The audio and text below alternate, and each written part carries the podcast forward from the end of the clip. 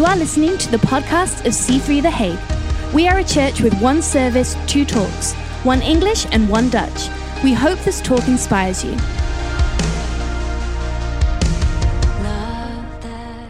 Romans uh, 12, verse 12, it says the following It says, Rejoice in confident hope, be patient in trouble, and keep on praying. Rejoice in confident hope, be patient in trouble, and keep on praying. And I feel that if we can um, remind ourselves of these three things uh, in this season, we're going to be fine.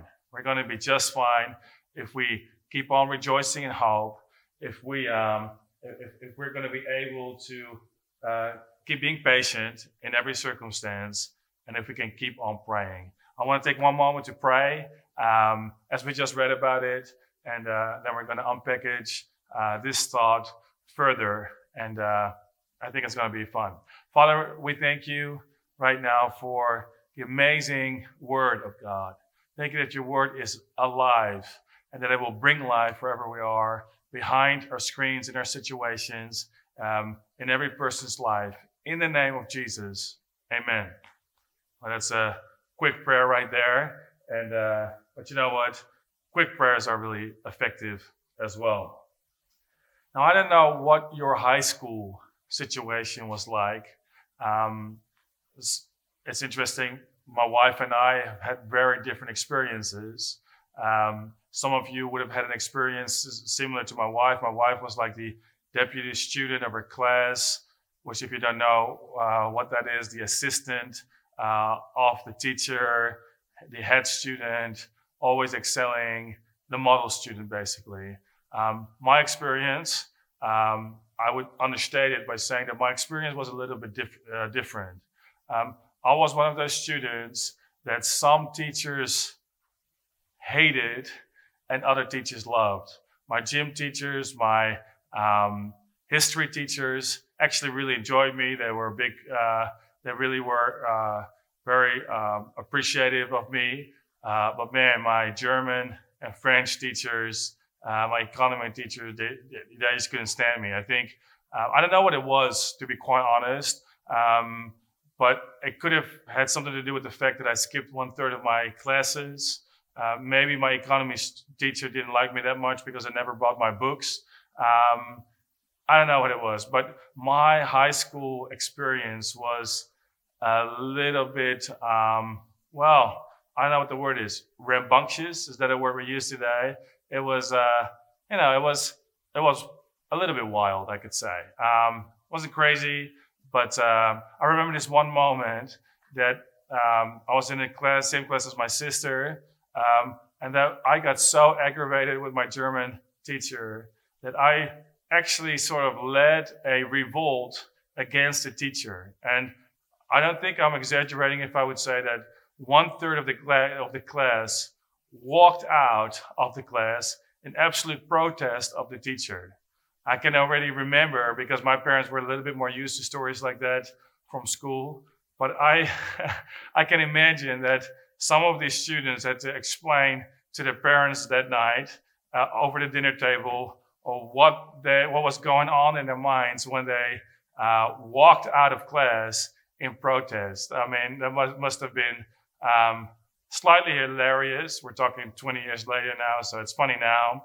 Um, but um, it was just one of these things. Um, it was just an interesting time. Um, the thing, the thing that I uh, actually want to talk about is that during school, high school, we were given all these assignments. And um, at the end of my school period, I started taking it more seriously. I actually finished, um, not great, but I think well. Um, but before that's before that, I was given before I started taking it seriously, I was given all these assignments, and I just didn't really know what I did it for. Basically, I was told to do the assignment, and I couldn't really see how does learning German, how does it have anything to do with uh, my future? How does learning French or economy, uh, how can I connect that with my future? And so it's probably the age that I was at, but I could only think about the year and now uh, in many cases, especially when it came to high school. And I just couldn't see. You're making me do these assignments, but why? Well, here's the thing. I believe that when it comes to a scripture like this, where we are told to rejoice, to be patient, and to keep on praying, but especially to rejoice, I feel that sometimes we might get the feeling that we are given an assignment, but we don't really quite know why, or maybe we don't quite know how. And uh, I think it's slightly more popular to say these days that joy is not just an emotion, and you will be correct. Um, to say that joy is an, is an attitude and a decision, and you will be correct as well. But sometimes, if we're not careful, we can encourage each other to be joyful because it says so in the Bible, to rejoice because it says so in the Bible, to, to make a decision to have joy because it says so in the Bible. But the question is, what is the reason for joy? Because joy is more than an assignment. It is more than an attitude. It is more than a decision. Um, joy is the result of hope. Let me say that again. Joy is not just an assignment. Joy is not just an attitude. Joy is a direct result of hope. And so I want to I want to encourage you today with the thought that there is a reason for joy. Joy is not just like I was given an assignment by my German teachers. Joy is not just an assignment that you have to do because you have to do it. Paul says, rejoice in your confident hope. Rejoice in hope. And I feel like if we just tell each other and encourage each other to rejoice, because it's good to do so, we're missing the reason for our joy. We cannot treat it as an assignment um, because joy is the result of hope. Who, who thinks that's interesting? I, I love that thought. Now, um, so joy is not putting focus on our decision making power, on our will making power to be joyful. Joy is a decision to focus on our hope. Hope is the reason for joy. Hope is the basis for joy. We couldn't decide to be joyful if we wouldn't have hope. You know, and I think it's important to understand because that is the reason we can have joy even in the middle of a situation where we feel like we're losing. Because we know that Romans 8 28 says that God will work all things toward good. That is hope. I want to talk to you a little bit more today about what hope is. But hope means that I might be losing right now, but my, my hope, my future is confident. And therefore I'm rejoicing whatever I'm going through. Some of the Old Testament prophets were saying, even though there is no fruit on the vine, even though everything that I see is difficult, I will rejoice. Why? Because they could see a hope for themselves. Hope is our uh, confidence in God's constant plan for us.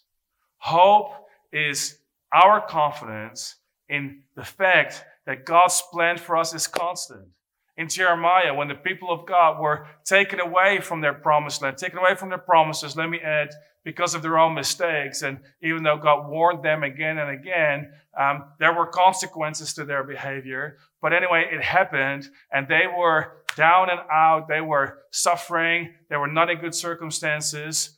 Jeremiah sent them a message from God saying, Hey, I know the plans that I have for you, says the Lord. They are not plans of evil. They are plans to give you a future and a hope. Jeremiah 29 11, a, famous scripture. But see, the plans of God are constant.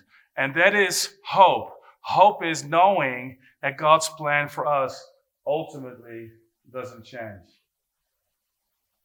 I feel it's important to mention that as Christians, I don't know whether you're watching today whether you are a Christian, if not, uh, we can fix that at the end of this message, not to make you religious, but for you to have a life changing encounter with Jesus. But if you are a believer, um, I feel that um, it is important to understand that you will go through difficulties. There's different messages that we've shared in this season where we all understand we live in a fallen world. When Adam had a breakdown, the world had a breakdown, the world fell apart, and so we live in difficulty. But we as Christians are going to go about going through difficulties a little bit different. Why? Well, here's the reason because we have hope. We're going to go through difficulties different because we have hope. Let me just give you this scripture in 1 Thessalonians um, 4. We're going to go through some of the less famous scriptures today. Um, from Jeremiah 29 11, famous scripture, to 1 Thessalonians 4. It says, And now, dear brothers and sisters, we want you to know what will happen to the believers who have died, so that you do not grieve like those who have no hope. What Paul is saying here, Paul, the writer uh, to this church, in, uh, to this church, he's saying, we want you to know. Um, I'm going to read this again because it's so good. Um, we want you to know what will happen to the believers who have died. So, so, we want you to know what will happen. What is that? We're going to talk about that in a little bit. Resurrection will happen. We want you to know what will happen to them so that you don't grieve, so that you don't mourn like those who don't have any hope. See, hope makes the way we go through difficulty different from those who don't have any hope. Hope makes the way through it a little bit different because we don't grieve like those who, don't have hope. Let me, let me also note this that as Christians, we do have permission to grieve. We do have permission to be sad. We do have permission to mourn. We do have permission to be in touch with our own feelings. One scripture says that Jesus cried, he wept. Um, it's not, the message of joy is not that we always have to be happy. Therefore, joy is not an emotion. But in our grieving and in our sadness and in our moments of difficulty, we should understand that we should never grieve in a hopeless way. We should never grieve in a way that we're losing all hope. That is despair. We become desperate when we don't, have any hope. And it's interesting because how do you go through grief when you have hope? Well, you know that there is a perspective here. You know that even though there is a loss, there is nothing is lost forever. So let me get into that. What is hope? What is the hope that we have? Well, when the Bible speaks about hope, sometimes it talks about hope in the sense of a verb. So somebody says, I hope that this will happen, or I hope that this will happen. A lot of times in the Old Testament, uh, references of hope are, are a hope that God will do something or change their circumstances. That is hope, because hope is an expectation of the promises of God. Hope is an eager or um, an uh, confident expectation of what God will do in the future. But in the New Testament, whenever God referred or the Bible refers to the term hope, for example, when Romans um, Romans 15, 13 refers to God as the God of hope. Uh, Colossians 1.27 refers uh, to Christ in us, the hope of glory. Or this scripture, um, rejoice in our confident hope. When hope is mentioned as a noun, as a, as a, as a subject, um, what the Bible is referring to is the promise of restoration. It is referring to the promise of justice. It is referring to uh, the promise of resurrection, that in the end, uh, Jesus Christ will come and everything that is wrong will be made, made right. Let me actually read on because 1 Thessalonians uh, 4 begins with don't grieve like those, but how, uh, like those who don't have any hope. But what is that hope? Well, if we read on in verse 14, for since we believe that Jesus died and was raised to life again, we also believe that when Jesus returns, he will bring back with him the believers who have died. We tell you this directly from the Lord. We who are still living when the Lord returns will not meet him ahead of those who have died. For the Lord himself will come down from heaven with a commanding shout, with the voice of an archangel, and with the trumpet call of God. First, the believers who have died will rise from their graves. Then, together with them, we who are still alive will remain on the earth and will be caught up in the clouds to meet the Lord in the air. Then we will be with the Lord forever. So I encourage each other with these words. Now, this scripture can seem a little old school. When Christians go, the trumpet sound of God, we will meet him in the air. Um, it, it, it can seem a little old school. And I also want to say that there's room here for interpretation in the sense that uh, uh, some of these promises are proverbial, but at the same time, they will, it will really happen. Jesus Christ will really come back. There will really be justice, and the justice throne will be set up, and everything that is wrong will be made right. There will be a new world and a new, um, a new earth. Uh, there will be a new life, and we will live in a in a uh, in a world where there is no more pain, um, and we will live forever with God. And it's not like some people say, um, "I don't want to go to heaven because I don't want to play harps all day long." Now that's actually C.S. Lewis says that's a bit of a childish interpretation. He says if you want to read it like that, well, you shouldn't read uh, grown up books like the Bible because references to harps are like references to music. When we listen to music, it's the language of the soul. And we need to understand that some of the uh, promises in the Bible are image, imagery. And of course, there will be music. But the images that people have of heaven can be a little too wacky, and strange. But let me tell you something that we don't grieve like those who do not believe in heaven. We don't grieve like those who do not believe that in the end, it will be all good. That eventually there is an afterlife and that God will come back and God will bring restoration. And so this hope is always constant. As I said last week, this hope will never disappoint. Whatever you have gone through in life, this will not stop. This will be your end destination. If you can keep on keeping on, if you can keep steady, hold the course, and trust in what God has promised. Um, so we have hope in resurrection. We have hope in restoration. We have hope in justice. Let me end with this thought, and that is a real simple thought. Hope is right now and not out of reach. Hope is right now and not out of reach. We have a reason for joy, and that reason is not just at the end of the rainbow. The reason starts with us right here, right now. I can, I can give you scripture after scripture after scripture about, about, about this, but let me just read what I read last week. Um, Romans 5 5, it says, And this hope will not lead to disappointment. For we know how dearly God loves us because he has given us the Holy Spirit to fill our hearts with his love. Let me just say this that the Holy Spirit has been given to us right now as a foretaste of heaven. Through the Holy Spirit, we can right now experience a joy, a peace, a hope that is with us right now. When Jesus went to heaven, he said, I'm giving you an assignment to share this message, to make disciples of all the nations. But he said, I will be with you till the end of the day. The Holy Spirit is called our down payment. He is called our guarantee. He is our down payment because he is, he is like, like the, like a foretaste, a guarantee of what is going to come. When you make a down payment on a house, um, the bank knows, the owner knows that you're serious. Uh, you're going to come back for this house. And I want to let you know that, that we get to experience this right now.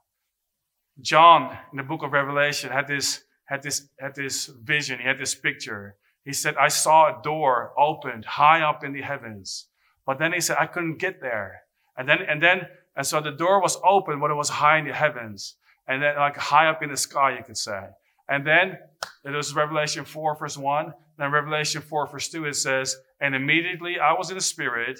And then what we get to see is he experienced heaven. And I want to tell you right now that heaven is closer than you think.